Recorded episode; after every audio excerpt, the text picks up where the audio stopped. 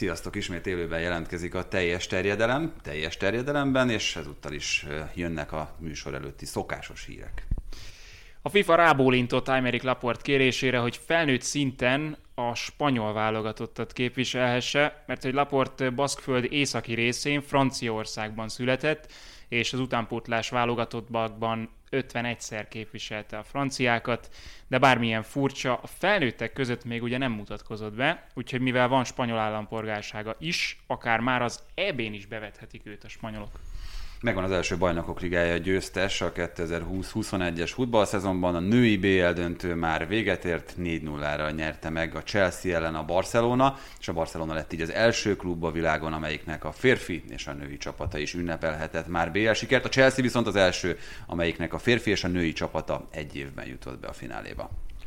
Már sokszor említettük itt az adás elején, hogy Lewandowski-nak meg lehet Gerd Müller rekordja. Most beérte őt, ő is 40 gólos ebben a szezonban, ami egészen elképesztő, ugye 33 mérkőzésen lőtt 40-et, az utolsó fordulóban akár meg is döntheti a rekordot. Szintén a Bundesligához kapcsolódik ugye, hogy Dárdai Pál csodát tett, bent tartotta végül a Hertát, és ez már egészen biztos, hiszen 35 pontos jelen pillanatban a Herta, 31-el áll a Werder az első kieső helyen ennek örömére egy kövér szivart is elszívott Dárdai Pál még hozzá élőadásban egy interjúban. Beszélünk majd az adásban a Miláról, illetve Ibrahimovicsról, de azért nem maradhat el a heti Ibra ezúttal sem. Nem lesz ott az Európa bajnokságon Van Dijkhez hasonlóan Ibrahimovics térsérülése miatt egy 6 hetes protokollt fog majd végig dolgozni, és ennek köszönhetően valószínűleg a következő szezont teljesen egészségesen már az alapozástól el tudja majd kezdeni. Kezdjük az adást.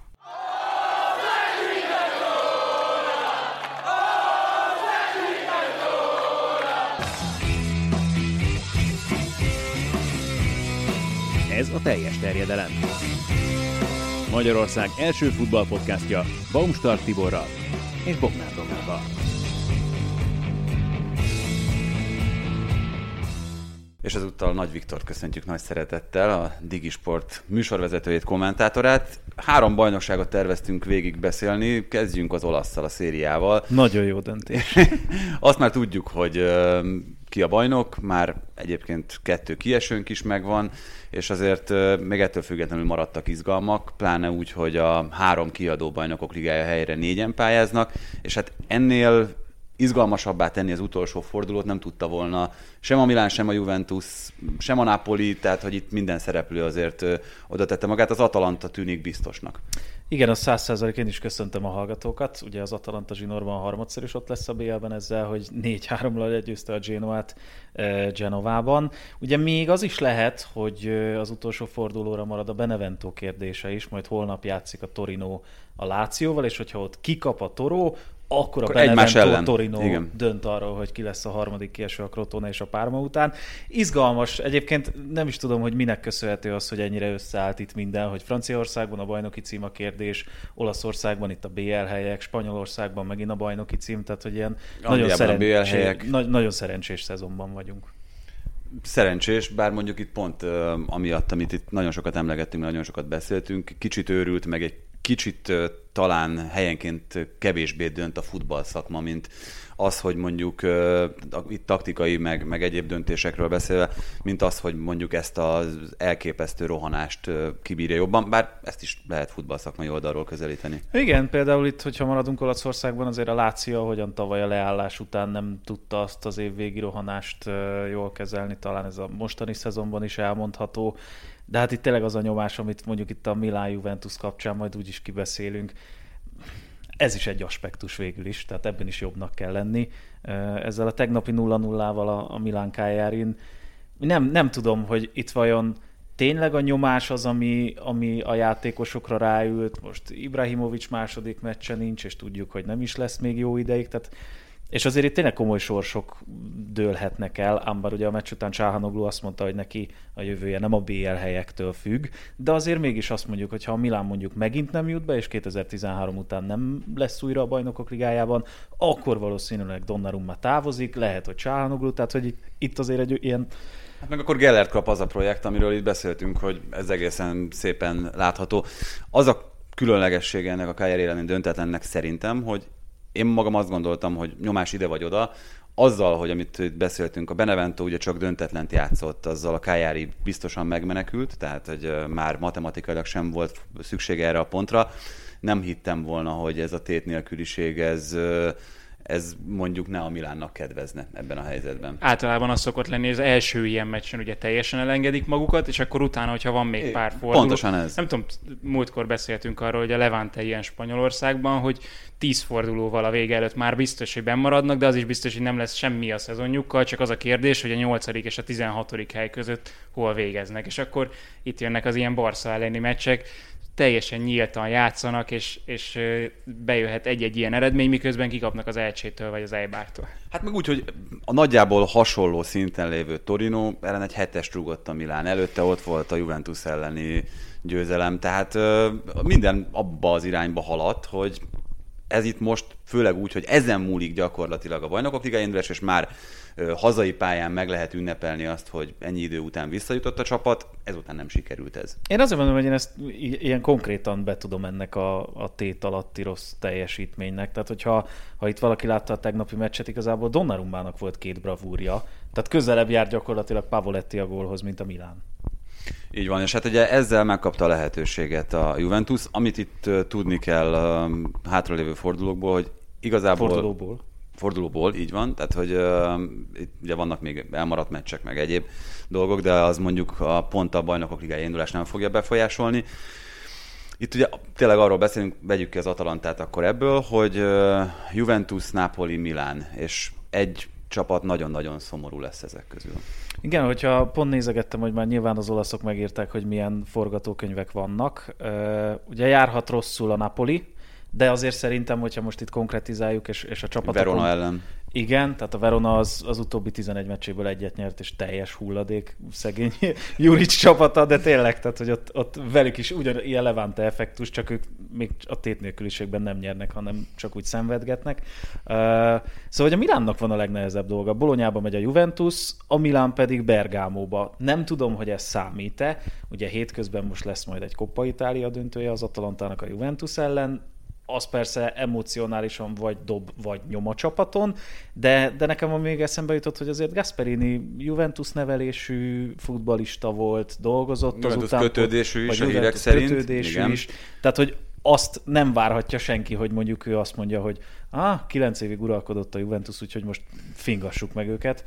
Hát meg itt, itt van egy nagyon fontos kérdés, meg egy nagyon fontos aspektus szerintem, és ez majd itt ugye pont az FA Kupa döntő kapcsán nagyon érdekes lesz, mert lehetett azt hallani, hogy a Leicester szurkolók azok sokkal jobban örülnek egy kézzelfogható trófeának, mint most az FA Kupának, mint annak, hogy most lesz bajnokok ligája indulás, nem nyilván nagyon sokat számít, főleg financiálisan a klubnak, de konkrétan a szurkolók szemszögéből nézve, például az Atalantának is mi a fontosabb? Egy második hely a bajnokságban, úgyhogy a biztos bajnokok ligája indulás megvan, itt akár az utolsó fordulóban, vagy az, hogy legyen egy trófea, a Juventus legyőzésével a Coppa Italia döntőjében. Tehát lehet, hogy az utóbbira voksolni. Hát ha kizárólag a szurkolók szempontjából nézzük, és a következő egy hétnek a hangulatát... a játékosok, nem? Tehát, hogy mégiscsak fölemelsz egy trófeát, meg annak azért csak, csak van valami kézzelfogható varázsa, hogy, hogy megnyertél valamit.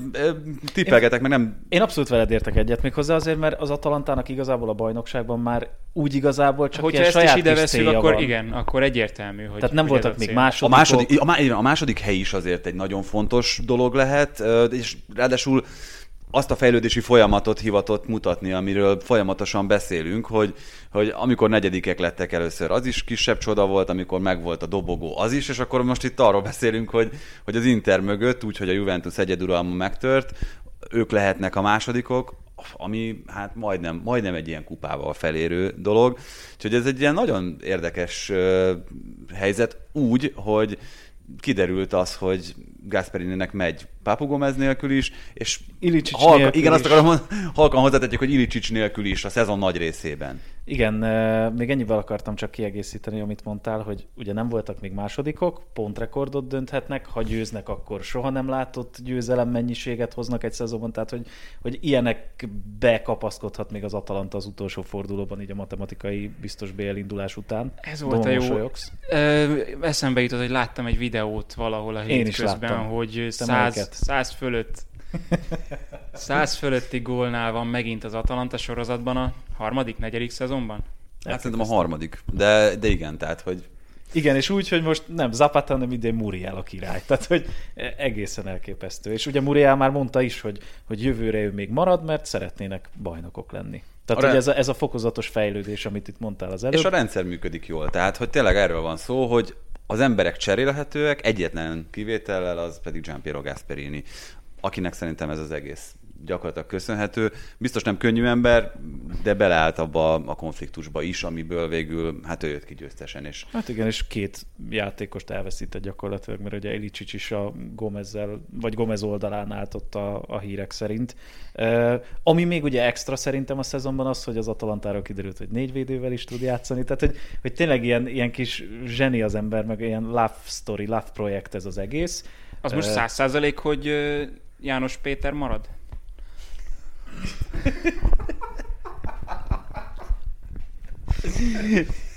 Köszi, Doma. Hú, de jó. János Péter, az Giampiero, nekem is egy kicsi idő kellett, hogy feldolgozzam. Te is elvörösödtél, mint én. Doma, mi helyett szekunder szégyen érzetnek hívják ezt, amit most körülöttünk van. Szóval, igen. hogy ez biztos, hogy marad? Igen, igen, igen. Én nem hát olvastam az ellenkezőjét. Én egyetlen egy dolgot olvastam még egyébként, szerintem valahogy a szezon elején kezdtek el erről cikkezni, és, és egészen hosszú írások is születtek erről, amikor ugye Pirló kinevezése kapcsán felvetődött szerintem csak újsághírek alapján, hogy esetleg Gasperini jelölt lehet-e hosszú távon a, a Juventus kispadjára, és akkor egy újságcikkben ezt írták, hogy pont ezzel a Juventus kötődéssel, meg ugye korábban a klubnál játszott, meg a klub után, utánpotásában is dolgozott, az egyetlen szóba jöhető opció Gasperini számára, ha nem az Atalanta, akkor a Juventus, de nem vagyok benne biztos, hogy a Juventus számára ez mondjuk egy, egy lehetőség. Beszéljünk a Juventusról. Az egy nagyon érdekes helyzet.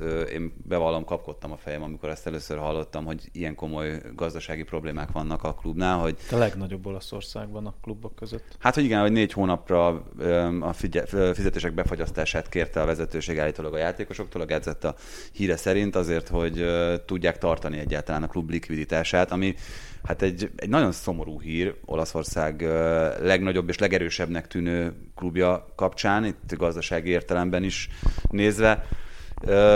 Ebben a helyzetben számításba jöhet Zidane? Aki nyilván kötődik a klubhoz, nyilván egy olyan opció, ami adhatja magát, így, hogy a Real Madridtól ő távozik, de biztos, hogy nem fogja ingyen vállalni. Hát és szerintem a nulladik kérdés, hogy ha mondjuk nincs BL, akkor jöhet ez idán. Igen, akkor a Zidane Ronaldo páros ráhajt az Európa Liga győzelemre? Vagy? Ha ott engedik indulni őket? Tehát, hogy most ez egy nagyon, nagyon érdekes, meg összetett kérdés. Igen, én ma azt olvastam, és nem akarok eltérni a tártól, de hogy, hogy Gattuso van középpontban, amit egyáltalán nem is értek igazából. Oké, okay, hogy most a Napolival produkál egy csodás időszakot, de hogy gattuso a Juventus kispadján egy ilyen szezon után, az, az nekem az nagyon vagy nekem elsőre is fura volt, amikor olvastam. Hát Pirló stílusa biztos túl elegáns volt. És az egykori játékostárs. Igen. Gattuso levetközte egyébként azt, azt a Napoliba szerződéssel, ami egyébként esetleg gátja lehetett volna ennek itt a Milános kötődést. Néha azért még előjön belőle az igazi Gattuso. Hogyha Európa Liga van, akkor szerintem nem kérdés de hogyha BL is van, azért Zidán egy nagyon racionális ember. Tehát én ezt egyelőre csak plegykának érzem, hogy, hogy lehet, hogy oda megy. Egy ilyen juventus nem biztos, hogy csak úgy jó kedvéből, meg, meg ilyen, hogy is mondjam, hivatástudatból elvállalna, hogy na majd én megmutatom. Azért a Real Madridnál is voltak feltételei. De erről beszélünk, tehát hogy így van. Tehát, hogy voltak feltételei szerinted, hogy ha ilyen helyzetben van a klub, mint amilyenben a Juventus van, akkor van arra olyan mesdje, amin el lehet indulni a két ö, embernek, vagy a két, itt most Ányellit meg, meg Zident értve együtt? Mert, mert nem vagyok, tehát hogyha racionális Zidán, akkor nem biztos, hogy egy, egyébként ingatag projektbe bele mer ezt kezdeni. mondom, ezt mondom, hogy pont ez a problémám, vagy hogyha az idán fejével gondolkodnék, és ahogyan ő eddig gondolkodott, nem hiszem, hogy ezt elvállalja. A hajatok hasonló, úgyhogy tudsz azért fejével gondolkodni. Jó, bocsánat, muszáj volt egyenlítenem itt a... Na jó. Most te vörösödtél el, Tibi. Azért, mert nem ettem, és most dolgozza fel a szervezetem az elfogyasztott táplálékot. Szóval ha már itt szóba került, és akkor egy kicsit át is térhetünk, mert szerintem itt az olasz dolgokat nagyjából átbeszéltük a Real Madridra, ahol pedig... Bocs, egy, egy dolog bántja még a lelkemet, hogy a Nápolinak mennyi esélyt adtok, szóval ez már nekem biztosnak tűnik. Nekem a Napoli fix. Szerintem ők Bence, a Bence kiírta itt, én ezen teljesen ledöbbentem, hogy az elmúlt 15 fordulóban négyszer veszítettek összesen pontot. És egyszer kaptak. 15 fordulóban, és egyszer kaptak ki. Van.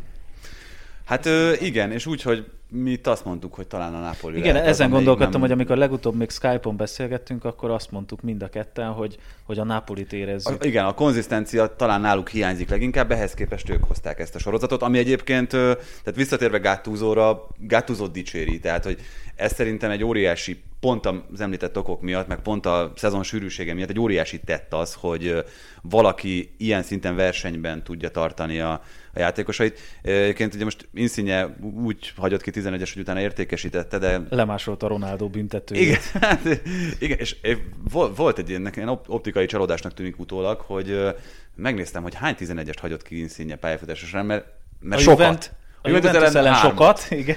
Ö, igen, de egyébként összesen hetet hagyott ki a teljes pályafutása során, úgyhogy belőtt 29-et, megnéztem most a, a hétvégén, és ebből a hétből még kettőt a Foggia játékosaként. Tehát azért nem, tehát nem egy ilyen nagy 11-es elpuskázó, mint ahogy én egyébként azt gondoltam, pont itt az említett emlékek miatt. Igen, hát ugye ott a Juventus ellen egy szuperkupán is hagyott, tehát tényleg a Juventus ellen gyakorlatilag ő mindig kihagyja. Uh, ami szerintem még a Napolinál lehet mondjuk magyarázat, és ezt Szejler Józsi mondta itt a szériá összefoglalókban, hogy amikor megüti a játékosokat annak a szele, hogy itt változás lehet, mert mondjuk ugye azért olvastunk erről az utóbbi hónap, hogy Gattuso eldöntötte, hogy bármi van, ő távozni fog, hogy azt mondta, hát, hogy De akkor... Laurentiis eldöntötte, vagy hogy Laurentiis eldöntötte, igen, de hogy amikor egy ilyen plusz adalék jön, akkor a játékosok összezárnak akarva akaratlanul, mert érzik valaminek a végét. És ebben egyébként látok rációt, hogy ez is ö, indoka lehet annak, hogy ennyire jó lett a Napoli a szezon végére. Így van, és hogyha ezt végig tudják vinni, az tényleg ugyanúgy, mint ahogy azt mondtuk szerintem az Atalantánál, hogy ez Gasperininek a, a nagy építkezése, meg a nagy tette, ez Gattusoé, abszolút. Én, én, is, abszolút. én is ezt gondolom. De maradva az edzővonalon, és azért mondtam, hogy ez viszonylag könnyű átkötést jelent Spanyolországba, hogy az viszont engem nagyon meglepett, hogy hát egyrészt valószínűleg Zidane nem most mondta először a vezetőségnek, hogy ő nem szeretne tovább maradni a Real Madridnál, de az, hogy március óta tartanak az egyeztetések Allegrivel, aki ezt, ezt lehet, hogy elvállalná, ezt a projektet, az azért számomra egy ilyen döbbenetes info volt, és nem... A szuperligáról se tudtunk a Florentino igen, igen, és hát ez nem, nem, egy ilyen, nem egy ilyen teljesen pletyka rovatban megjelent info volt, hanem ezt megerősítették, hogy gyakorlatilag március Hát, óta. hogyha Fabrizio Romano mondja, akkor, akkor neki igaza yeah, van. Here we go. mindig úgy indulnak a bejelentések. Igen. Igen. Azért az kemény páros szerintem, az Allegri Real Madrid. Nagyon érdekes projekt. Viszont én úgy nem lepődnék meg ezen, hogy Florentino valószínűleg minden héten fölhívja Pochettinót is, hogy nincs a kedve mégis, vagy fölhívja Lővöt is, ilyen tapogatózás szinten. Tehát szerintem ez... Zsoltit? Igen, őt is. Tuhelt is tényleg. Hogy, hogy mi a helyzet, hogy, hogy nem, nem -e lehetne-e esetleg? Mondj még elbetűket kérlek gyorsan egymás után. Szóval akkor ez inkább csak ilyen informális, szerinted? Szerintem igen, pont azért, mert ilyenkor meg már jól jöhet. Tehát, hogyha az idán bejelenti, az, az, az sokkal furcsább nekem, hogy egy Sevilla elleni meccs előtt a játékosokkal közölte, hogy, ez, hogy miért, miért meccs előtt mondod el ezt egy öltözőben.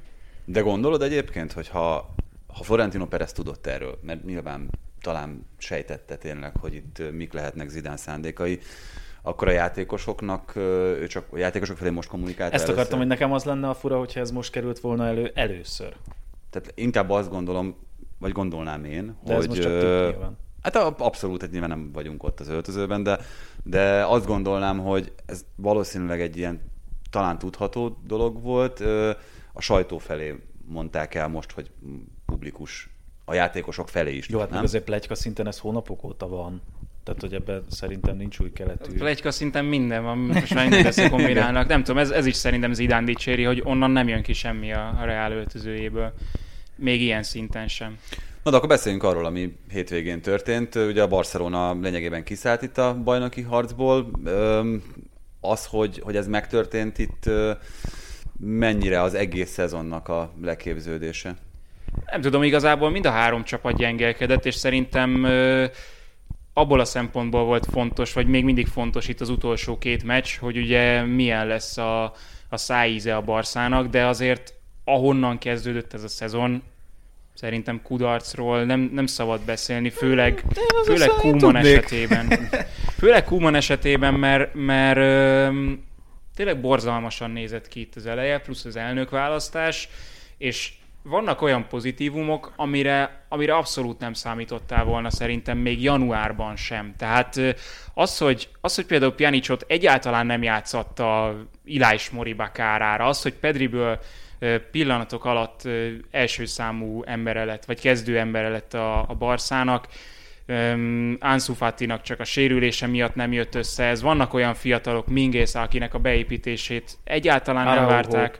Araujo, tehát, tehát Na, és szerintem Kuman ahhoz képest felül teljesített, és próbálta ezt a nagyon hullámzó vizet egy kicsit lecsendesíteni, ami sikerült. Az másik kérdés, hogy a kulcsmeccseken azért nagyon sokat elbukott a Barca. mondani, hogy Ez viszont szerintem mondod. már egy élő probléma, egy ideje élő probléma, hogy ilyenkor az van, hogy, hogy csak csak messzi felé tudnak fordulni. Ebben pedig De Jong fejlődött egyébként, ő is óriási dolog, hogy, hogy mennyit változott a szezonban, viszont az, az megmaradt, hogy, hogy a kulcs pillanatokban mindig csak messzi felé fordulnak, és kevésbé tudnak átvállalni. Igen, terhet. ezt akartam mondani, hogy olyan jól hangzik, hogy ezt összefoglaltad, hogy milyen pozitív ez a szezon, de nekem nézőként az, ez abszolút így visszatekintve a legfőbb és legfontosabb, hogy rangadót nem nyert a Barcelona. Vagy amikor fontos volt. Tehát leszámítva azt a kupadöntőt, ahol a Bilbao nem volt a pályán, és minden összejött a Barcelonának, tehát a Real Madrid, az Atletico Madrid. Tehát ennek a csapatnak ott volt a kezében egy ilyen rossz szezon végén is, hogy megnyeri a bajnoki címet, vereség a Granadától, visszaengedi a Levantét, kikap a Celtától, tehát hogy szerintem ez kíváncsi lennék, hogy a Barca szurkolók mit éreznek, hogyha én, mondaná, én mondanék erre valamit, szerintem inkább csalódás ez az idény, mint, mint pozitív, ahogy így felsoroltad. Ezért mondom, hogy ez az utolsó két meccs is mennyit számít. Igen, és de ettől függetlenül azért a fontos kérdések azok eldőltek már olyan szempontból, hogy ha itt a jövőt kell tervezni, akkor ti is most mit mondtok, akár Kuman, akár Messi ez, ez a legfőbb kérdés. Az, az a durva, hogy tegnap ugye, hogyha, hogyha úgy alakulnak a dolgok, akkor ez messzi utolsó meccse lehetett a Camp nou Igen, azért ez nagyon durva volt olvasni. Tehát, hogy ilyen klubhovatartozástól függetlenül szerintem az ilyen nagy legendák, az ilyen love story mint a, a Messi Barcelona, ezek mindig olyan rossz, amikor, amikor egyáltalán csak lebeg. Mondjuk erre volt az a válasz, hogy ugye valószínű, hogy nyártól, ősztől felújítják a Camp Nou-t, tehát, tehát amúgy sem játszanak. Mondom, hogyha marad, akkor se. Igen, ők is mennek a Barca B E, nem, van Barcelonában, nem messze onnan, az olimpiai stadion, ja, ami 50 ezres, tehát azért... Igen, az nem kicsi. Igen. Hát, hogy az eszpányoltól kölcsönkérik. Vagy, uh-huh. aha. Látom magam előtt a pillanatot. Na, de akkor meséljetek arról, hogy mi várható itt a bajnoki címért folyó harcban az utolsó fordulóban. Az atleti bajnok lesz. Hát innen tényleg ez már még egy olyan mentális a, a kellett az, hogy az Osasuna elleni fordítás meg legyen? Hogy ezt, még azt a pluszt is kisajtolják a... Bocsánat, csak mielőtt még nagyon eltérünk a Barcelonától, nekem ebben volt egy ilyen sorsszerűség, hogy ott talán egyszerre jött a, a Celta második gólja, és a Suarez találata ott az utolsó 10 percben, és ez volt bennem, hogy, hogy ez milyen szép fricska a Barcelona felé, hogy suarez majd, hogy nem fizettek azért, hogy elhúzzon onnan Barcelonából, mert öreg és haszontalan. És, és drága, meg sokat keres. Nagyon drága, igen, és, és megnyeri, szerintem megnyerte az Atletikónak a bajnoki címet, szóval ebben volt egy ilyen, ilyen szép párhuzam, vagy egy ilyen szép együttállás. És ezzel egy pillanatban Raúl Garciát kiállították szövegelésért a Real Madrid meccsen, ebben milyen Abban is Igen, az nagyon sorszerű. Az olyan, hogy ma be is vagy, utána be is vallotta, hogy olyat mondott, amit Hát így ne, nem szabad, vagy hogy így nem tolerálnak Nem, nem hiszem el arra a srácról, hogy... Ráadásul Mateu Lahoznak mondta, úgyhogy... Igen, aki majd a BL Neki szabad. vezeti, ugye? A Lahoz vezeti. Így van, mert az utóbbi 2005 óta nem fújt spanyol spori BL döntőt, mindig ott voltak, aztán... Majdnem. Most ő lesz a bíró. Majdnem, majdnem mindig ott voltak. Ö, szóval azért annyit a Suárezhez, hogy az első 2005 fél időben ö, kihagyott 2005 óta mindig ott voltak a spanyolok. Hát Pár év olyan, vagy pár olyan év eszembe jutott, amikor nem. Na mindegy, bocsánat, figyelj. Látom, hogy személyes, személyes Ne, sértés. de, de, Nem. Szóval, ö, ja igen, hogy Suárez hány zicsert hagyott ki? Tehát, Igen, hogyha, most hat hogyha a végén... lőtt talán gólt, azt hiszem. Igen, igen, igen. Március ö, 21 volt a legutóbbi, és ezen a, a tegnapi meccsen olyan zicsereket rontott el, amit ő, amit ő egyáltalán nem szokott.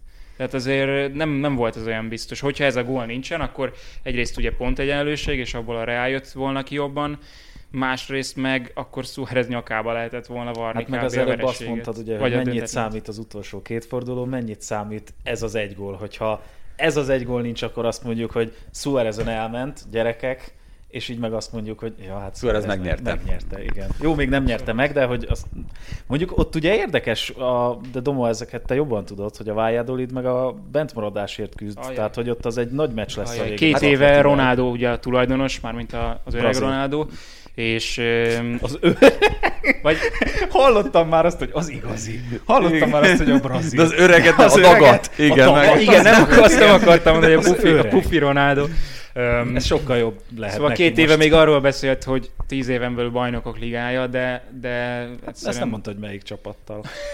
Lehet, hogy megvesz egy másikat is. igen, meg hát, hogyha a Superligába elmentek volna, akkor még lehetne is Ah, esély. tényleg, egy lila-fehér csapat úgyis el kellett volna.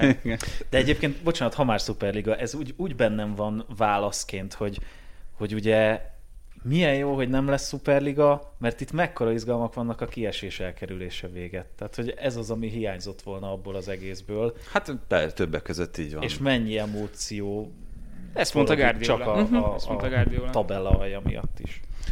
van. Meg azt mondta még Simeone egyébként pénteken, azt is többször eszembe jutott a meccs közben, hogy az ilyen pillanatokban szokott előlépni Suárez, mert nyilván az újságírók oda szegezték neki, hogy Suárez miért nem lő gólt, meg mikor, mikor fog újra gólt lenni, és mondta. Simeone, hogy az ilyen meccseken szokott előlépni Suárez, figyeljetek, és kihagyott az első fél időben 5 zicsert. Na igen, de mi a, ez a azzal, amit itt beszéltünk, hogy itt most, amit itt a Milán Kájári kapcsán mondtunk, és egy hete, két hete beszéltünk arról, hogy a, az, igen, egy hete még Krisszel ö, beszéltünk arról, hogy az Atletico ebben az évben, mint hogyha egy kicsit azt az attitűdöt veszítette volna el, ami az elmúlt években mindig jellemezte, hogy a legmagasabb ö, hőfokú meccseken, a legnagyobb tétnél jönnek, jön ki leginkább a karaktere a csapatnak. Ö, idén, minthogyha ez, talán ez az aura, ez, ez egy kicsit csökkent volna. És ez problémát jelenthet az utolsó fordulóban? Igen, de ha már mentális nyomásról beszéltünk, azért ennek is van biztosan egy nagyon komoly súlya az atleti játékosokon, hogy megvolt a kilométer hosszú előny, aztán visszakerültünk oda, hogy egy meccs dönt, tehát hogy szerintem ez nem megkerülhető, és szerintem lehet, hogy ez felülírja azt, hogy változott-e az atleti. Igen, meg erre azt tudom még mondani, hogy azért a kidolgozott helyzetek azok tegnap jelezték, hogy, hogy ez már egy másik atlétikó és egy tétmeccsen Meg a is megvan kihagyottak is. bennük a minőség. A kihagyott az, az, az a mentális. Hát persze, de ez, ez, ezt a féket nem tudom, hogy ezt sikerül-e kiiktatni. Akárhogy nyilván itt azért most bennük van, hogy bajnokok leszünk, ha, ha ezt a meccset hozzuk.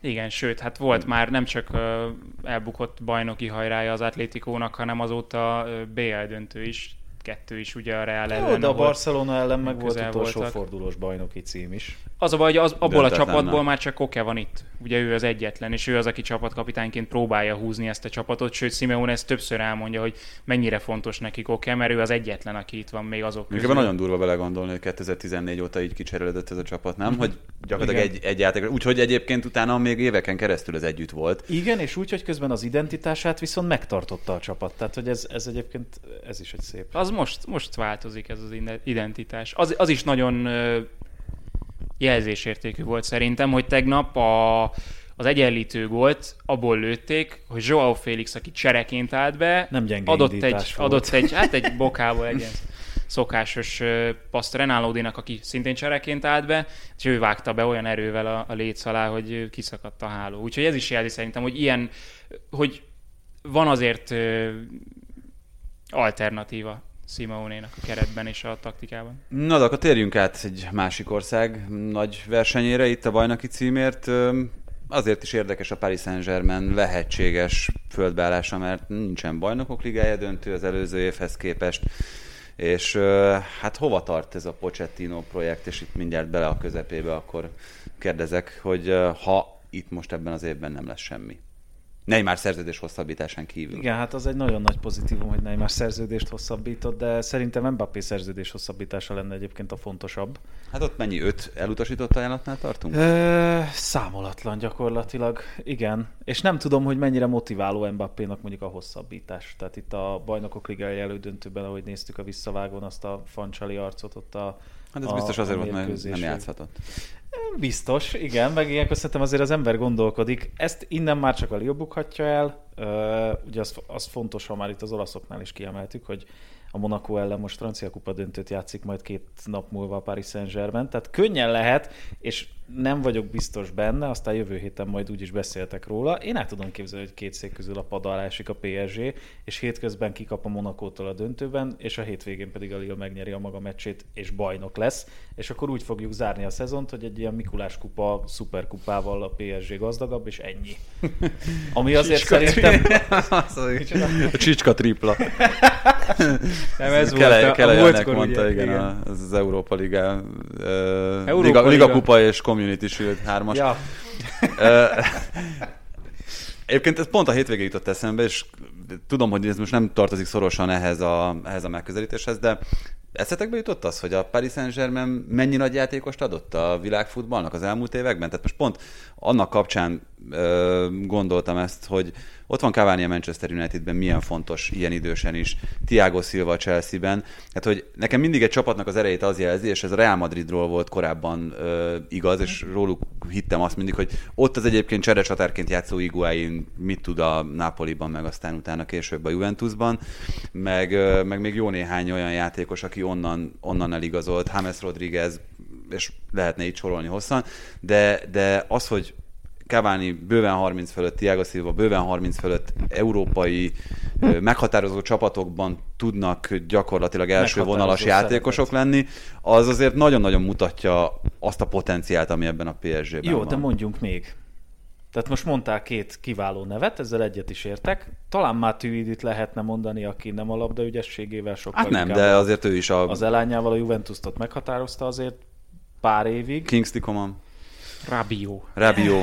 Mm. Rabio nem vált be végül is, de, de a szint egyébként, amit, amit ő tudna, alapvetően az, az azért szerintem egy nagyon-nagyon Jó, magas. mondjuk Pastoréről nem fogjuk tudni, hogyha ő nem lenne öt havonta mindig sérült öt hónapot, akkor, akkor lehet, hogy ő is ebbe a kategóriába kerülne.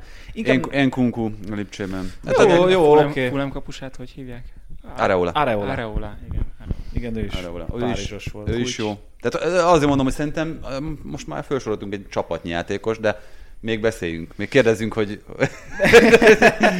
de ki még? De ki még, igen. Jó, Tibi, köszönöm. mit, adtak, még? mit adtak nekünk a rómaiak? Hát az, igen, Jó, de egyébként az, hogy Párizsban még akik ott vannak, tehát én mondjuk inkább Marquinhos, Verratti, akik ugyan még nem nagyon, hagyták nagyon el a csapatot, szintet. de hogy őket is... De Kimpemben is nagyon magas igen. szintet képvisel. Tehát akik most a Paris Saint-Germainben kezdőjátékosok, vagy mondjuk azt mondom, hogy az első 13-14 tagja a keretnek, az egy nagyon erős krémja. Tibi, világfutballnak. nagyon fontos kérdés. Kimpembe magasabb szintet képvisel, mint Aymeric Laport? Hát ez nagyon jó kérdés. Valószínűleg nem, mert nem tudom. Nagyon, talán Laport azért labdával ügyesebb egy fokkal, mint Kimpembe. Neki Nekem, nagyobb ne... védőerényei vannak Kimpembenek úgyhogy nehéz összehasonlítani. Nekem ebben nem, nemzetváltásban az fáj, hogy igazából nem kapott lehetőséget mm-hmm. Laport, tehát hogy nem tudjuk azt, hogy Désam... Na, Désamnak nagyon határozott elképzelései vannak a védőkről, tehát én mindig azt mondom, hogy nála azért az, hogy, hogy Szakó ennyi időn, időn keresztül meghatározó ember tudott lenni a védelem tengelyében, az, az úgy, úgy sok mindent elmond arról. Az, hogy, Adil Rami bekerülhetett egyáltalán a válogatott keretbe. Pamela Andersonnak köszönhet. Jó, azért ez most már meg, mind a hárman mondtunk ma egy szarpoint. Na, bocsánat a kifejezésért. Úgyhogy akkor jó, így akkor egy-egy. Na bocsánat, állás. térjünk vissza arra, hogy itt a Paris Saint-Germain és a Lille viszonylatában mi a helyzet. Itt az, a, a Lille-t, Lille-t nem méltattuk eleget.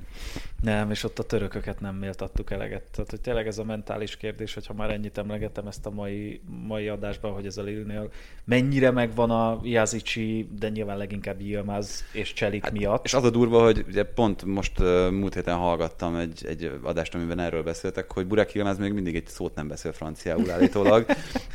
Elment, Král, elment ennyi idő, elment, elment ennyi idősen egy, egy külföldi bajnokságba. Ugye először váltott, ország. Igen, 35-6 évesen. Igen, tehát hogy, hogy hát egyrészt, egyrészt egy zseni, hogy hívják a Lille-nek a Campos? Igen, igen, Tehát, igen. hogy Luis Campos egy, egy zseni, másrészt, hogy e, ezt a dílt ezt így Oszimen helyett, mert 81 ér adta el, és hát, hát meg, igen, meg ingyen, és ingyen úgy, hozta úgy, Ilmaz. Jonathan David volt, aki igazából abból a pénzből jött, de posztra igen, igen Ilmaz érkezett. Csak kis intermezzo, Gerard Lopez, aki ugye volt a Lille tulajdonosa, Luis Camposszal, aki igazolt a csapatot, most állítólag a Genoa-t akarja megvenni a jó Igen, ezt hallottam, vagy ezt olvastam legalábbis. Na mindegy, szóval e- ez így önmagában, meg, meg az, hogy, hogy Gáltyé is pont azt adja hozzá, erről Krisztel beszéltünk múltkor, ami szükséges ehhez a Lillehez, tehát ha Annyira van még futballromantika, akkor ez Igen, a, ez, ez is, a, a fiatalok, az idősek közös játszatása, tehát az, hogy ott José Font hátul Botmannal együtt, tehát hogy tényleg annyira szépen, talán szerintem ez a legnagyobb erénye a Lille-nek, hogy nagyon szépen a különböző korú játékosok nagyon jól együtt játszanak és kiegészítik. Ez legyen a címlapon majd, hogyha megnyerik, hogy José Font és Burak Yilmaz megnyerték a bajnokságot a Lille-nek. Hát de, de valahol ez a... kell emelni a Lille-ből embereket, akkor akkor szerintem Font, Yilmaz és Benjamin André a középpályáról. Tehát talán ők hárman határozzák meg leginkább a Lilt. Átlag életkor? 71. nem, nem, nem, nem, nem, nem. Múltkor nem beszéltünk itt a Monakóról és a Lyonról, most ezt azért uh, pótoljuk, hanem is nagyon hosszan.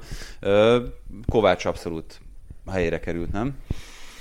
Igen, és szerintem senki nem gondolta volna úgy a szezon elején, úgy még szerintem voltak ilyen nevetgélős hangok is. Most én a, a Twitterből indulok ki leginkább, hogy ez a kicsit ilyen lesajnált edzőválasztás volt, és amennyire jól Nikó és Robert Kovács együtt dolgozik, most azért emeltem ki a Tesót is, mert a, a rögzített helyzetekért ő felel a Monakónál, és az, hogy csak 2021-ben több mint 10 gólt szerzett már a Monaco rögzített helyzetekben. Tehát, hogy tényleg mindenre odafigyelnek ők ott a Monaco stábjában. Nekem nagyon tetszik, és volt erről is szó korábban, hogy kicsit ilyen apa figura, ő ott a fiataloknak, Kovács, és egy nagyon nyugodt személyiség.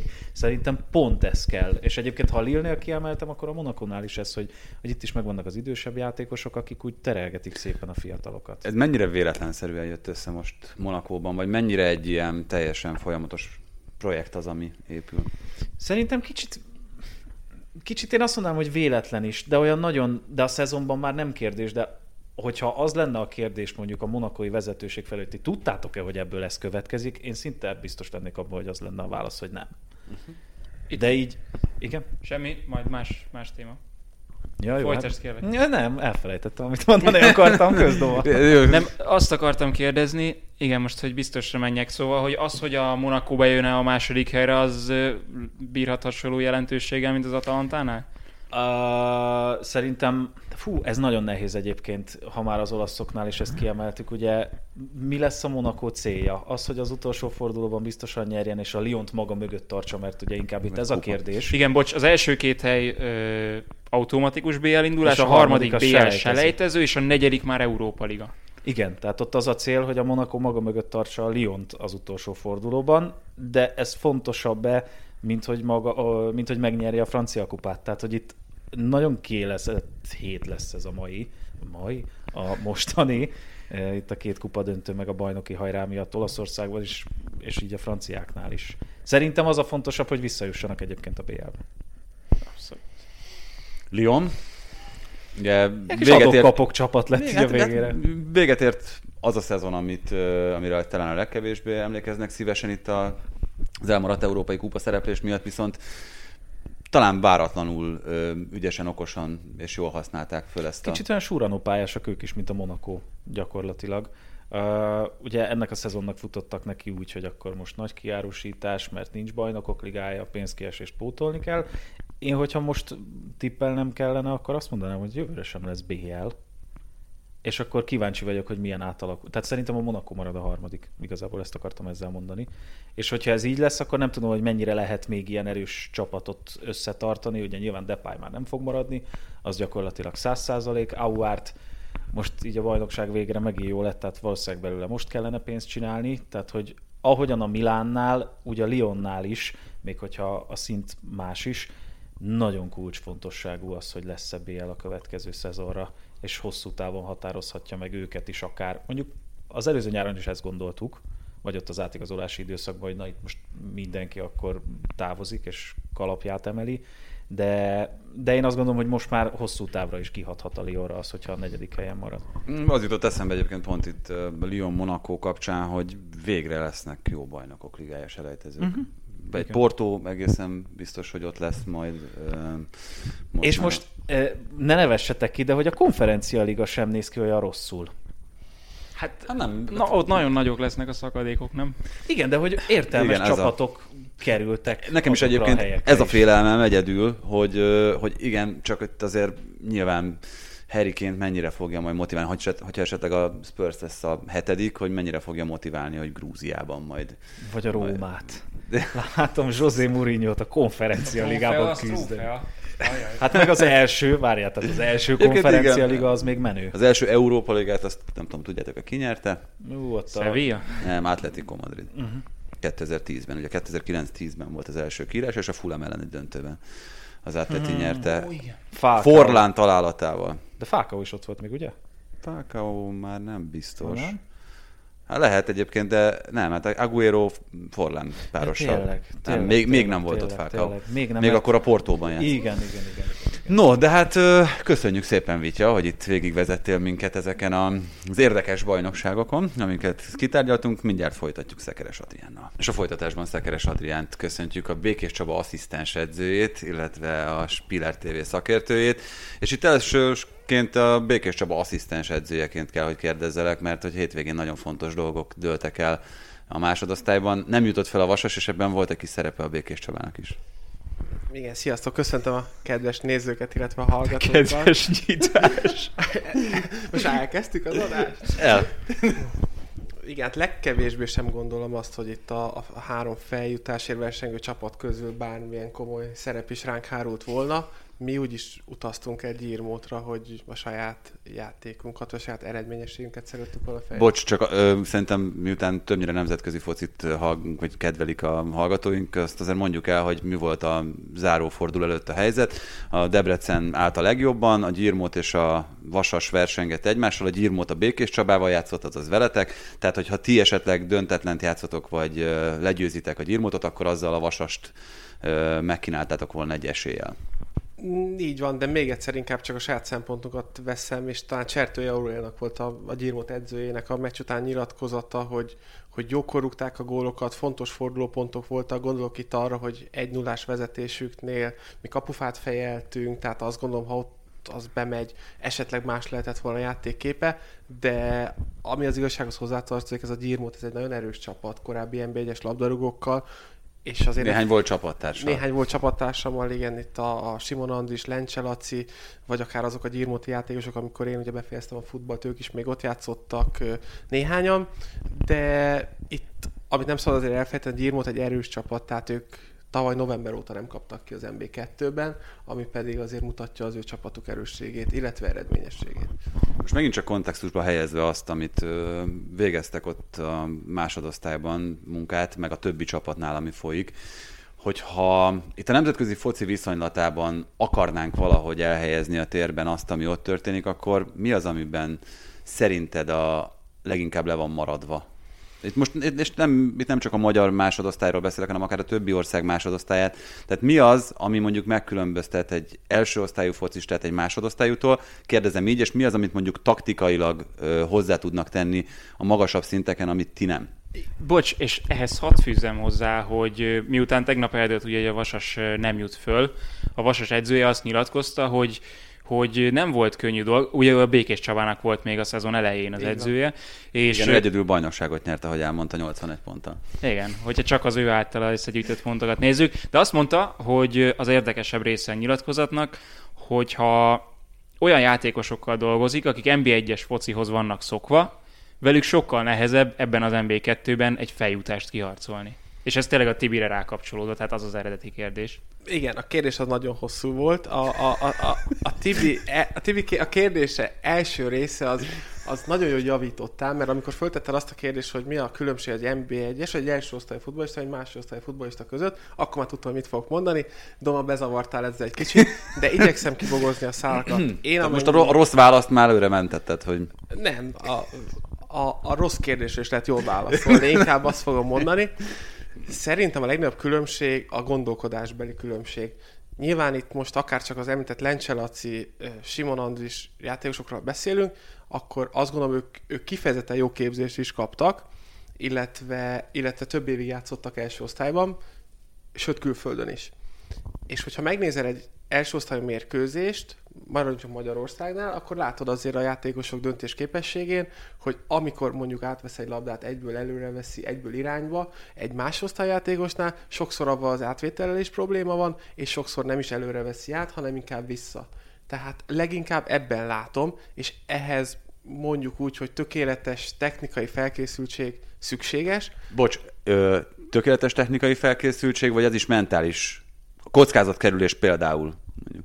Tovább megyek, a tökéletes technika sem elég ahhoz, hogy te egy gyors játék helyzetben azt a, azt a jó döntést, mondjuk ami, amit mondjuk te labdával megcsinálsz a kertben, az tök jó, lehet, hogy ott ügyes vagy, de mondjuk, hogyha nyomás, a, tehát hogy szembe jövök én veled, akkor már nem tudod megcsinálni. És ez a különbség egy első osztályú futbolista között, meg mondjuk egy alacsonyabb osztályú futbolista között. És erre jó példa, meg edzőm is volt Sisa Tibor, aki írt elő egy könyvet a döntésképesség fejlesztése, és ott aprólékosan le van írva minden, és nekem ez úgy visszaigazolás, hogy előbb kezdtem a könyvet olvasni, meg a tanároknak az előadásain részt venni, mint hogy elkezdtem volna hivatalosan is edzősködni, és ez akár már ezt az, ezt az egy évet a Premier League-ben is így néztem, hogy mennyire fontos az, hogy te jó döntéseket hozzál meg a pályán, mert avval nyerik meg a csapatok a mérkőzést. Tehát a, a taktikát is csak arra tudod fölépíteni, hogy neked tökéletes technikájú játékosaid vannak, mert bármilyen labdakihozatalt vagy letámadás, bármit kitalálhatsz, ha nincsenek meg hozzá a technikai képzettségek, nem tudod véghez vinni.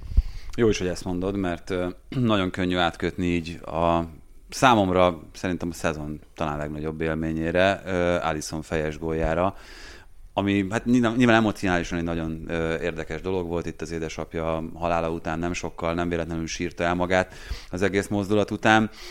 Egy gyönyörű fejes volt, egyébként értem, hogy azért jön előre a kapus általában, mert hogy akkor így nem marad rá ember.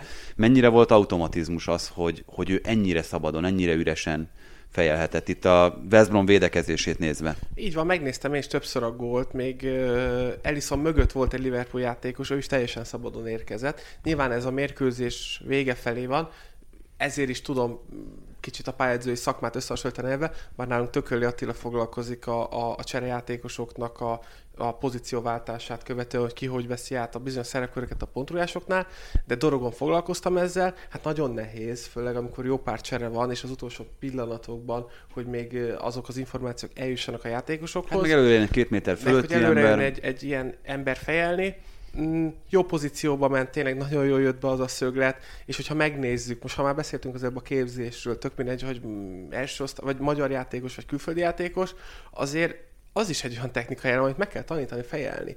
Tehát most gondold végig azt, hogy nem sok. kapust tanítanak fejelni egyébként? Én azt gondolom, hogy kell tanítani kapust fejelni. Hányszor van az, hogy látunk meccseket? Szerintem ezen soha nem gondolkozott soha senki, nem, nem gondolkozik senki, de most gondolj bele abba, hogy amikor van egy hosszú indítás, a kapus elhagyja a, a büntető területet, és csak fejjel tud tisztázni. És az sem mindegy, hogy hogy fejeli meg azt a labdát, hogy a, a, a, a játéktér melyik részére fejeli vissza, mert nyilván követik az akciót több játékostárs is az ellenfélből, de és nem ez, ilyen szituációval egy kapus hányszor találkozik pályafutása során, hogy egy oldalról bejövő labdát azt kapura kell fejelni. Csak azt mondom, Igen, hogy... szóval, hogy ezt a szezon elején gyakorlod az edzőtáborban, vagy rendszeresen havi egyszer meg kell csinálni azt a fejelő gyakorlatot, mondják az Alisonnak, mert különben jönni fog a West Brom elleni ez, ez tökéletesen kivitelezett fejes volt, nem? nem? Tehát, hogy egyébként nem lehetett belekötni semmilyen mozdulatba. Nem, nem is kell ezt ne úgy képzeljétek el, hogy akkor most a kapusok kimennek, és akkor, akkor fejelést gyakorolnak. Hát, de mondjuk... a Balaton van. Ellison hányszor szívőszetett a Balatonban, vagy Balatonban, nem tudom. Ő a Velencei Rio deltában.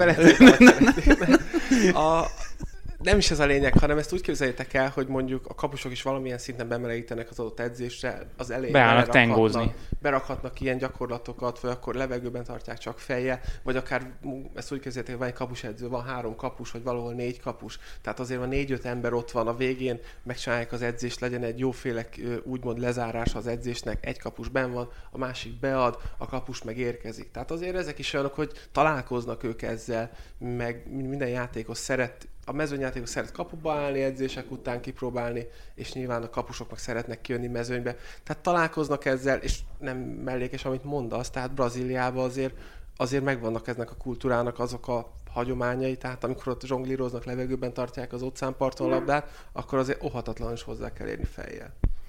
Úgy van, és hát akkor beszéljünk ennek a gólnak a jelentőségéről, mert szerintem azt tette igazán olyan ö, érzelmes pillanattá ezt, amellett, amit itt elmondtunk a hátteréről a, a gólnak, hogy ö, szerintem aki ezt látta, az biztos, hogy élete végéig nem fogja elfelejteni. Visszahozta Liverpoolnak a bajnokok ligája indulási reményeit, és hát ez egy olyan mozdulat, olyan pillanat, momentum, amiből építkezhetnek a játékos társak is, nem? Néztem a Liverpoolos összefoglalót, Liverpoolos kommentár, ugye?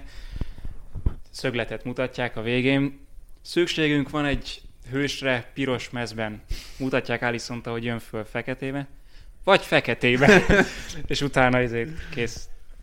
Igen, hát ez sok minden, de ha Alisont vesszük, a meccs 80. percében egy-egynél ugye védett egy nagy bravúrt is, tehát hozzátett a kapusként is, és valahol a Liverpoolnak meg ez egy ilyen szezonja volt, hogy azok a hősök, akik, akik tavaly hősök voltak, azok nagyon alul teljesítettek, különböző mutatókban, különböző számokban. Talán még Alisson is. talán még Allison is, de én azt gondolom, hogy, hogyha, hogy így nem akarom csak allison kiemelni, hanem inkább az egész csapatot, tehát és akkor elkezdhetjük azt is, hogy ami a Liverpoolnak erőssége volt mondjuk felépíteni a támadásokat, ha már nem mindegy, hogy Ellison passzolja ki azt a labdát, nem mindegy, hogy Van Dijk fordul rá, utána ugye Fabinho, aki nagy kedvenced, ugye bár ő lett visszarakva, középpályán nincs meg az a Fabinho, aki forgatja a játékot. Most néztem például Meg Henderson hiánya Henderson nyilván ilyen hiánya. szempontból nagyon Néztem fontos. például Alexander Arnoldnak a számait, ki is jegyzeteltem néhányat, ha csak a saját pozíciójában vesszük, akkor a, a, a jobb védők, szélsővédők között a, a harmadik legjobb a passzoló képessége, a beadások, ö, a védő, szélsővédők közül az első, aki legtöbbet lő kapura,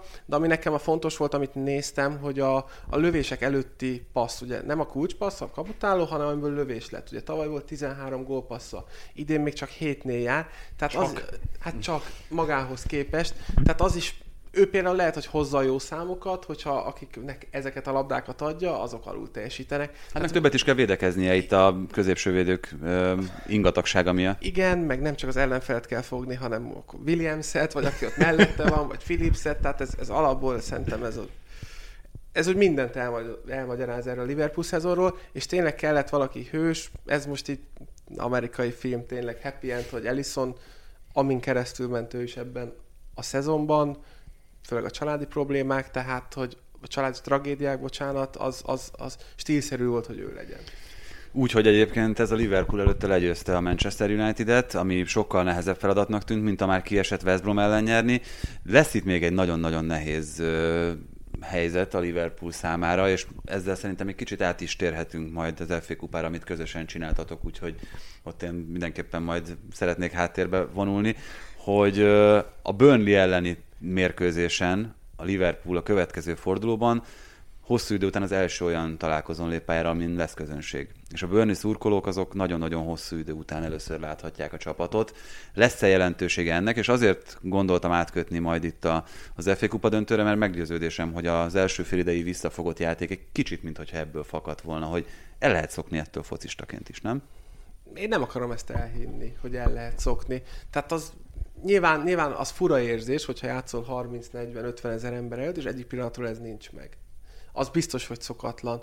De az ne, az Az ne Hát egy legyen. éve így játszanak, több mint egy éve így játszanak. Értem, de az ne legyen zavaró. Nekünk is például Gyirmóton most a, az egyik ö, az teltház volt, nem tudom az mennyi, 2500-3000 ember, a másik oldalon pedig szerintem ott inkább hozzátartozók voltak, de, de ez, ez nem hiszem, hogy inkább a, a játékosokat mm, rossz helyzetbe hozza. Nem is az, hogy rossz helyzetbe hozza őket, hanem azt mondom, hogy például egy Burnleynek mennyi erőt adhat pluszban az, akár egy Liverpool elleni mérkőzésen is, hogy visszatérnek a szurkolók, akikért ez az egész dolog zajlik. Ja, azt hittem, hogy arra akarod kihegyezni, hogy nem hallják egymást úgy, mint ja, az utóbbi egy évben mondjuk Nyilván az is, tehát nagyon sok, szinten. igen, nagyon sok rétege van ennek, ami szerintem más, tehát más így a futball, ezt, ezt kár tagadni. De szerintem ez nem, ez, hogy egy fél időt azért ne, ne fogjunk rá erre. Azt mondom, hogyha, hogyha öt percig igen, meglepődsz azon, öt percig meglepődsz azon, hogy hogy jött egy anyázás, amit nem szoktál meg az utóbbi időben, vagy nem hallod az edződet, vagy nem hallod a csapattársadat, az oké, okay,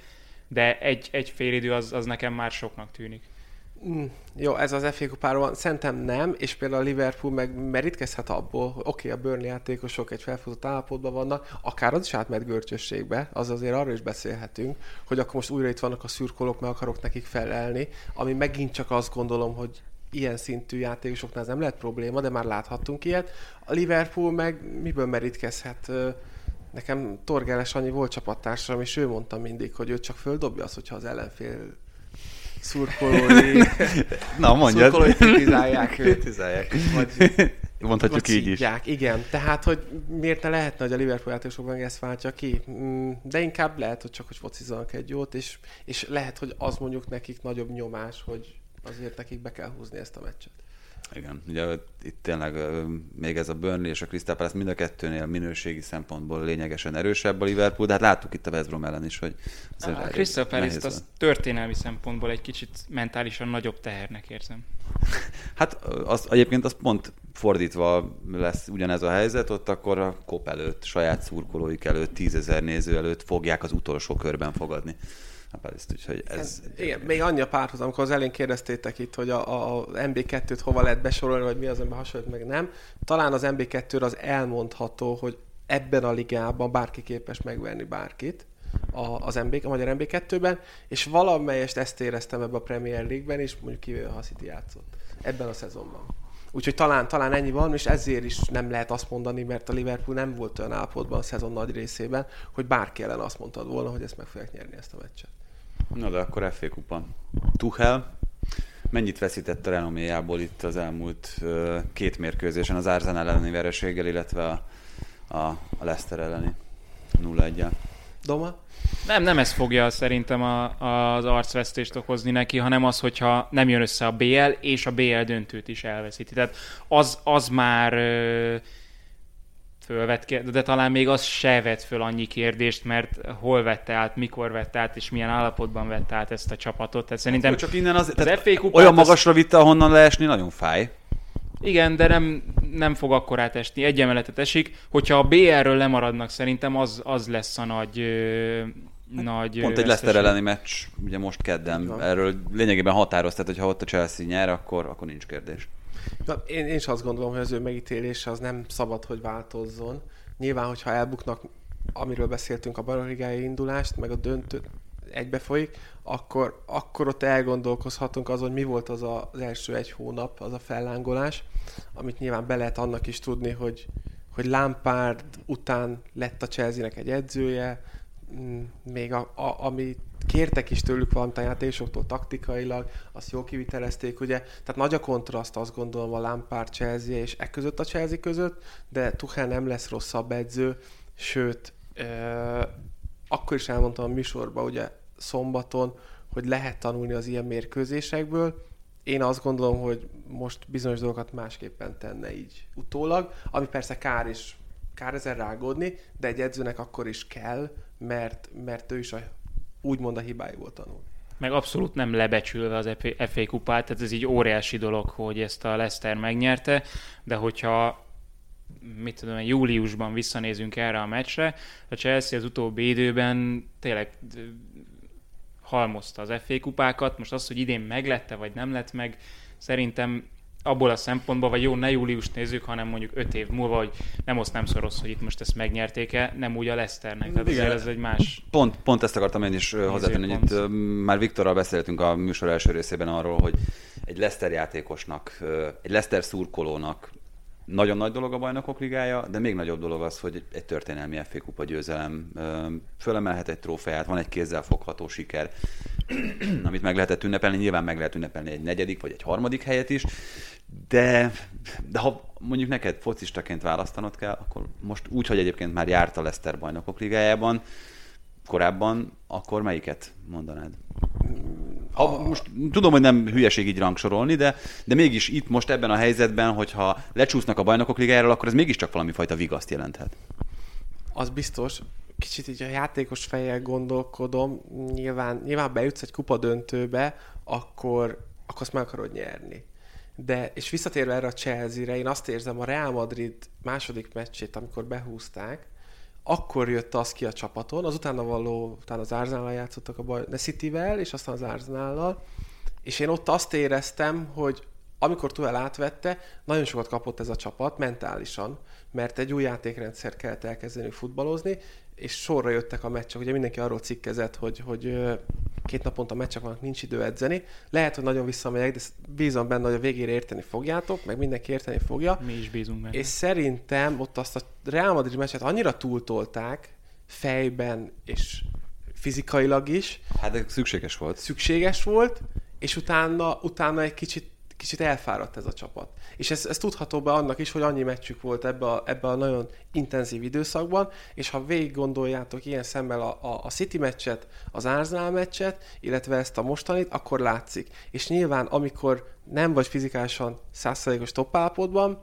ö, mentálisan sem vagy, és kell játszanod egy kupadöntőt, amit meg akarsz nyerni, de hétről hét, napról napra... Van, van annál fontosabb meccsed? A... Napról napra azzal találkozol, és nem feltétlenül ott a, a, a, az öltöző belül, a stábtól, meg a játékosok közül, hanem kívül olyan információk jönnek, hogy kedden megint velük játszol, fontos meccs, két hét múlva lesz egy bajnokligája döntőd, és akkor te ilyen kicsit fáradtan, fásultan pörögjél fel az FA Kupa döntőre egy olyan Leicester ellen, aki meg az ez volt az ötödik döntője, és soha nem nyerte meg. Történelmi pillanat, lehet, hogy egy kicsit ö, jobb állapotban vannak, sok a sérültjük, de ők ebből is erőt merítenek, hogy pótolják. Evans ol, oltást nem, inekciót kap a meccs előtt, hogy ő is vállalja, le kell cserélni, mert nem bírja. Hívhatjuk oltásnak. Hívhatjuk annak is, és, és, és ezekből a Leicester jól építkezett, azt gondolom. Hát alig nem is volt helyzet a Chelsea-nek a mérkőzés. Igen. Nagyon kevés. Ami volt az, hogy nagyon nagy helyzet volt, ott meg Schmeichel védett. Viszont visszatérve erre ugye a kupa vagy BL kérdésre, ezt mondtam amúgy Vityánál is, hogy a nézőknek nyilván jobb az, hogy látják, hogy fölemelnek egy kupát, meg ott voltak a Wembleyben, micsoda élmény, de megint nézzük a nagy képet, ahogyan egyébként Guardiolánál nagyon sokszor tettük ezt, hogy a City ugyan nem nyert BL, de látjuk, hogy honnan hova tart, és a Leicesternek abból a szempontból, hogy ha tovább szeretne fejlődni ez a klub, és odazárkózni a tényleg igazán nagy csapatok mellé, akkor nyilván sokkal jobbat tenne az, hogyha BL-be jutnának, és az FA Kupa döntő ebből a szempontból talán kevésbé lényeges. Az mentális pluszt adhat a játékosoknak, de pénz ebből nem jön, BL indulás ebből nem jön, vagy bocsánat, nem annyi. Tehát jóval fontosabb szerintem a BL. Itt fontos lesz, azt gondolom, és ez a keret, csak kiírtam néhány, néhány nevet és évszámot, ott van a Szőjöngyű, aki, hát nem vagyok elragadtatva tőle, tehát nem a liga legjobb belső védő közé tartozik, de, de 24 éves. Ott van Fofana, aki amikor elkezdett a Premier League-be játszani, akkor már egyben Real Madrid-dal írtak vele kapcsolatban, ott fog 20 éves. Tehát, hogyha vele jól sáfárkodik a Leicester, akkor vagy évekre van egy néhány évig inkább azt mondom, egy, egy nagyon jó védője, és pénzt tud csinálni. Ott van Luke, Luke Thomas, 19 éves, James Justin 23, de ez hagyjuk, mert a belső védőbe kell igazolniuk. Szalai Attila? Szalai Attila akár lehet egy megoldás, bár még azt nem annyira látom magam előtt. Szerintem jó helyen van Törökországban, nagyon hirtelen történtek vele a dolgok, még focizzon ott, és épüljön. Igen, nézve, nézve ezt a... A középpályát, az, az fel, fennakadt? Ö, nem, nem, nem csak azt, hanem így, hanem így tényleg így, de nem tudom olvasni az írásodat, csak ö, nem akartam leskelődni, mert, mert azért én, is, én magam is tudom a Leszternek az összeállítását. Múlt héten Matusz Krisztánra azt csináltad végig, hogy az ő irataiból nézted ki a, a Igen. És aztán mert a spanyol sors, a spanyol, igen, a spanyol sorsolást azt amúgy nem tartom fejben, a Lesztert azt még nagyjából ismerem. Köszépen. szóval a, van-e a Leszternél ö, több ki, piacképes labdarúgót ö, tartalmazó keret a akár a Premier League-ben, akár a világfutballban, mert itt ugye, amiről beszéltünk, itt Fofanát említetted. Van, de, akár de, de, de, de Pereirát, NDD, Tillemans-t, Madison-t, majdnem mindenkit. Nem, így, nem van, néztem rá, Ihánácsot. Ihánácsot odaírtam, de őt más miatt. NDD például. Szerintem a liga egyik... Mondtam. Mondtad? Hát mert ide írtam. Hát jó, jó, jó, jó mondom. nem fordítom meg, hogy itt mi van. um, Ott a Igen, kis e- pajzár rajzaidat mutasd meg a Nem, nem, nézőknek. ez a, Doma, nem tudod, de néhány szó voltál Britanniába például, és még adás előtt a, a Matyi is, meg én is még valamiket fölfirkantunk. És olyan szavak Nagyon, igen, nagyon ott. fontosak, kémia, Kémia. Ilyen, ilyeneket. Ezt a Matyi írta. Ja, bocs, igen. Ezt a Matyi. Én, én szerintem, hogy érzelem. Meg érzelem, ilyeneket, igen. és akkor, de azt tudjuk, hogy az adásra mivel kapcsolatban akarjuk. De egyszer erről is lehetne egy adás, hogy írunk. Ja, azt hittem, hogy félre akarjátok vezetni a Tibit, mert mindig tőletek Ja, én, én, én nem, hogy- nem Nem. készülök soha az adásokra, csak róluk lesek Nem. mindig. Úgyhogy. Nem, nem tudom, hogy mennyi. Mindegy. Ilyen kulisszatilat ne áruljunk el. Például Tillemans is az egyik ilyen, akit felírtam, és még mindig csak 24 éves, vagy Harvey Barnes, aki 23, Madison 24, ezek mind-mind olyan piacképes labdarúgók, és utána lehet eznek a Leicesternek, nem is azt mondom, hogy nagy problémája, hogyha mindenki egészséges, a kicsit Chelsea szindróma, hogy to- olyan játékosok vannak, hasonló kaliberek, bizonyos posztokra, és úgy kit hagynak, kit hagy majd ki. Hát ezzel a, ebben a, ezzel a Leicesternek ebben a szezonban nem kell találkoznia, vagy Brendan Rodgersnek, vagy nagyon sok a sérült, de vannak ezek között szerintem olyan játékosok, akik bőven elmehet. Igen, csak itt jön be egyébként az, amiről beszéltünk az előbb, hogy most akkor szurkolónak meg játékosnak mi a fontosabb. Ezek közül a játékosok közül a nagy részüket csak úgy tudják megtartani, hogyha bajnokok ligájában indulnak. Én azt gondolom, mert ezek a játékosok többnyire, és talán, talán nincs is kivétel azok között, akiket felsoroltunk, azért bajnokok ligája szintű játékosok. Mm, Abszolút így van, és azt gondolom, hogy ez a mostani időszak, ha most nem sikerül, akkor például Tillemásnak is van még két éves szerzése, már hosszabbítani akarnak vele. Tehát a Leszter, mm, ugye talán az adásban is elhangzott ez, hogy, hogy a hat közé odaférhet-e, vagy hogy kibővül-e az a hat, de, de jó pár top hatost én azt gondolom, hogy egy Arsenalt, egy Tatanemet megelőz. Pont, én pont ezért nem értek egyet veled, mert, mert ezek fiatal játékosok, és van egy, van egy jövőképe a Leicesternek. Tehát nem az van, hogy ez most egy kiugró szezon volt, és, és akkor véletlenül ott vannak a, a top 5-be, top, top 6, top 7, top 8, hanem látod, hogy ez a Leicester, ez jövőre se lesz alsóházi csapat. Azt látod, de azt is látod, hogy az Európa Ligában kell futballoznod a bajnokok ligája Egy- helyett. Egy évet. Tavaly is ezt gondolták. Tehát ugye tavaly is az utolsó pillanatban csúsztak ki. Szerintem ezt másodszor megélni azért, tehát NDD szerintem az egyik legjobb hatos pozícióban játszó játékos a világon. És, és itt stabil játék lehetőséget kap, tehát nincsen, aki Hú, de jó kiszorítsa. a Premier League-ben, és egyébként a bajnokok ligájában hova, meg nem. Tehát, hova, hova mész, ahol... hát NDD-t én azért el tudom képzelni a világ tíz legerősebb csapatában ezen a poszton gyakorlatilag nagyon kevés olyan van, aki, aki nála jobb. Tehát most, ha úgy nézzük, akkor Kanté, aki most pont a Chelsea-ben talán ezen a poszton ö, előtte van, meg, meg mondjuk nyilván a rutinja miatt Casemiro, de körülbelül itt, itt lehet, hogy elérkeztünk NDD-hez. Én sem tudom Endit képzelni, akár bármelyik Manchesteri csapatban is. Most nyilván a, a Chelsea-t nem mondom, mert, mert ott akkor túl tengés lenne azon a poszton, meg még nem vagyok Chelsea szurkó, de Zsorzsinyot nem akarom onnan eladni, vagy elengedni. Nem is hiszem azt, hogy Endidi meg tudná azokat a építésekben csinálni, amit, ö, amit Jorginho kell a Chelsea-ben, de visszatérve itt az edző szerepére, mert szerintem a játékosokról beszéltünk, meg a klubpolitikára, de Brendan Rodgers egy szót kell ejteni, mert ha valaki úgy is nézi ezt a, ezt a Leicestert, hogy milyen futballt szeretnének játszani, akkor azért vesz hasonlóságot észre a, a mostani Chelsea között, és ezt a rendszert ugye Brendan Rodgers már korábban elkezdte, mint ugye Tuchel a, a, ezzel a Chelsea-vel, tehát azt gondolom, hogy az egyik legmodernebb elképzelések szerint próbál játszani, nyilván annyi különbséggel, hogy ö, talán egy kicsit behatároltabbak a lehetőségei a játékosok képességei szerint, és itt csak a védelemre gondolok nem pedig a középpályán, illetve az előlévő játékosokra. És a másik jó, hogyha már itt vagyunk ilyen átsonál, ezért is írtam őt fel. Ugye egyedül nem tudta pótolni Vardit, abszolút nem állt neki jól az egyedül 9-es pozíció, de ezzel, hogy más rendszerben játszanak, Vardival együtt vannak fönt a pályán, Ijánácsónak sokkal több olyan tulajdonsága, pozitív tulajdonsága jön ki, akár csak visszalép labdákért, megtartja őket, lefordul, vagy visszapassz után egyből indul, amit amikor fönt játszott csúcsékbe egyedül 9-esként nem is láttunk tőle. És nem is a gólokról beszélek most, hogy akkor mennyi gólt lőtt meg most, hanem csak, hogy mennyire hasznos a, a csapat támadójátéka szempontjából.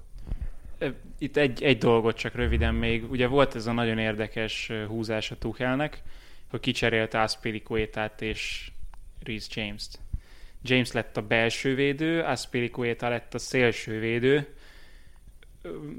most nem akarok hülyeséget mondani, hogy is volt ez, miért volt ez? Beszéltük pete valószínűleg azért, hogy ha, ha ugye Wardi fönt van, akkor ő abba a területbe szokott nyitni labda, amikor a labdát megszerezi a Leicester. Talán, hogy itt Rhys James gyorságában bíztak, de én a, erre gondoltam Tuchel esetében, hogy ha végig gondolom mérkőzést, valószínűleg másképp csinálta volna. Volna. Mert James adta el a labdát. James adta el a labdát, Aspilicueta talán ilyen téren labdabiztosabb, többet futballozott a pálya középső részében, ugye ez is számít ilyenkor, leegyszerűsítve James mögött mindig ott volt a vonal, tehát hogyha ott kimegy a labda, akkor bedobás van. és remélem nem bántok meg ezzel sem egy jobb hátvédet sem, meg egy belső védőt sem, mivel mind a kettőt játszottam. Tudom, hogy teljesen más tengelybe játszani, vagy pedig szélen játszani. És nem elhanyagolva Jamesnek a támadások terén olyan mutatói vannak, amit megint csak kiírtam, hogy, hogy az viszont hiányzott ebből a Chelsea-ből előre.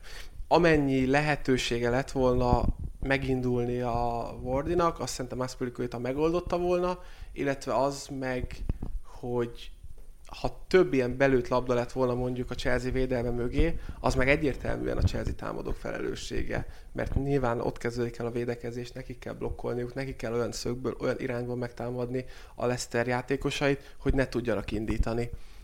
Hát igen, ez megvalósult, hogy ő adta el a labdát, és, és hogy Jó öreg túlgondolás, megint előjött. Lehet, de viszont az meg... Mm, Tilemász azt nagyon berúgta.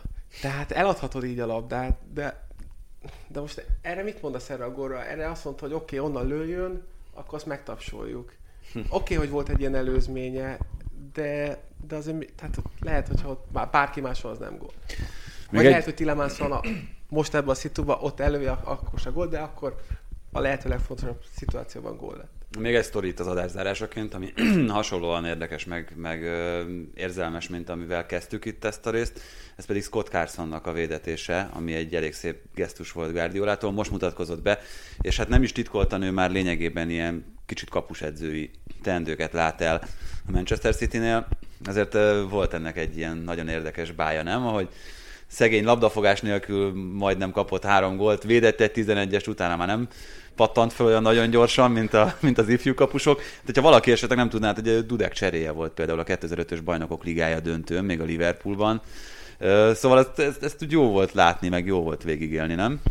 Igen, hát ez nyilván a szezon ezen részében egy tét nélküli Citynek, ment a bajnokságban tét nélküli Citynek, ez belefér, én azt gondolom. Hát meg ahogy ölelgették a végén a játékosok, ők, őt azt mutatta, hogy egyébként az öltözőben ő milyen fontos figura. Így van, és ezt uh, ugye ezt a meccset viszont együtt néztük, ugye nem veled Doma, hanem a TV-vel a, az adásban, és uh, szerintem akkor is elmondtam, hogy, hogy nagyon nehéz olyan most már ugye ő a Citybe harmadik számú kapus, tehát egy olyan harmadik számú, én mindig is azt preferálom, hogy legyen egy, egy, egy első számú kapus kimondva, hogy ki az első számú kapus, Citynél meg is van, ugye Ederson, a másik számú kapus ugye egy fiat, én mindig azt mondom, legyen az egy fiatal kapus, a harmadik számú legyen egy olyan rutinos kapus, aki elfogadja azt, hogy valószínűleg te most nem fogsz védeni, vagy ha aláírod ezt a három éves szerződést, lehet, hogy egy meccset sem lesz, de segítsd a fiatal kapusodat, és hogyha bármi történik, akkor be tudjál állni. Ez ugye már most nem három évre nyúlik vissza, hanem régebb óta, és ezt a társak is elfogadják, mert te bemész hétről hétre az öltözőbe, te tudod, hogy vagy játszol Liga kupán, vagy játszol FA kupán, vagy Chelsea eset, vagy City esetében BL bajnokság, és ott van egy társad, aki ül az öltözőben, és soha nem fog védeni. Tehát azt, az, az, az van egy ilyen empátia felé, hogy, és ez itt van. Tehát, hogyha Aguero, vagy Sterling, vagy bárki azt mondja, hogy edzés után maradj már ki, légy szíves, szeretném gyakorolni az ittszereket, akkor a, a, a Manchesteri esőben ő neked 42-szer is el fog vetődni. Tehát erre fölnézze, hát ez akkora sportember, hogy nem igaz. Én azt gondolom legalábbis. És nyilván nyilván Guardiola nem csak azért olyan edző, amilyen taktikai felkészültséggel rendelkezik, hanem, hanem egy pszichológus, aki ilyen téren is figyel, és megadta ezt a lehetőséget. És ez, ez nyilván egy win-win pozíció, mondom én ezt, nyilván a, ha a Fulhamnek még most a hétvégén lenne egy olyan meccs, hogy bemaradhat, valószínűleg nem húznák meg ezt. Hm. De ahhoz kell egy ilyen szituáció is. Úgyhogy tényleg, tényleg jó volt látni, hát ugye nevettünk ott a 11-esnél, hogy kivédte, utána már nem pattant úgy fel, de... Nem is nagyon akart. Mert megnéz, megnézte onnan alsó pozícióból, hogy ez... Hogy Igen, hogy de tényleg az, hogy úgy kapta az első két gólt, hogy nem is kellett labdát fogni, az Hát pekes volt, de azok jó képek voltak a meccs után, hogy ölelgették a társak, és tényleg, mint hogyha hasonló eset volt a Fábio Silva, ugye 18 évesen gólt lőhetett, vagy a 11-es lőhetett, átadták neki, és ahogy őt is ölelgették a társadalom, gólt lőtt. Tehát a futballnak van egy ilyen romantikusabb oldala, és amit, amit nem mindig figyelünk, vagy nem akarunk észrevenni. Na hát, volt ma romantika bőven az adásban. Úgyhogy Főleg köz... az, hogy élőben volt. Így van. Hát ez egyébként be kell vajon szenzációs érzés volt ennyi idő után élőben adást készíteni. Szerintem ezt Doma, te hát is. Jó lett volna már a múlt héten is, ugye? Csak akkor nem jött össze. Igen, én gondolkoztam, majd üzenek Domának, hogy gyere, gyere már be, légy szíves, de hát volt délelőtt elég tehendőm, és ezért ezt elfelejtettem. Na, hát lesz majd délután is teendője Adriánnak, mert hogy még az angol összefoglalóban majd láthatjátok őt. Most arra viszont nagyon szépen köszönjük a figyelmet. Terveink szerint jövünk majd mindenképpen jövő héten is teljes terjedelemben, addig is iratkozzatok fel az összes csatornára, Spotify-on, iTunes-on, ahol éppen lehetőségetek van, vagy nézzétek meg az adást a YouTube-on. Sziasztok! Ez volt a teljes terjedelem. Magyarország első futballpodcastja Baumstark Tiborral és Bognár Domával. Ha más podcastekre is kíváncsi vagy, hallgassd meg a Béton műsor ajánlóját. El tudod képzelni, hogy a podcastet, amit éppen most hallgattál, fél év múlva már a mesterséges intelligencia generálja? Mi sem. De ha érdekel, eljötte már a gépek lázadása. Hallgass bele az Embertelen podcastbe. Orsós Lajos vagyok, a műsor házigazdája. Egyelőre még élőben. Egyelőre. Fedezzük fel együtt, hogyan ismerkedik, randizik, mesél és vitatkozik Betty és Péter, két teljesen mesterséges intelligencia. Lajos, a podcast címét mond még egyszer, Léci. Oké. Okay. Embertelen podcast. Ez a műsor a Béton közösség tagja.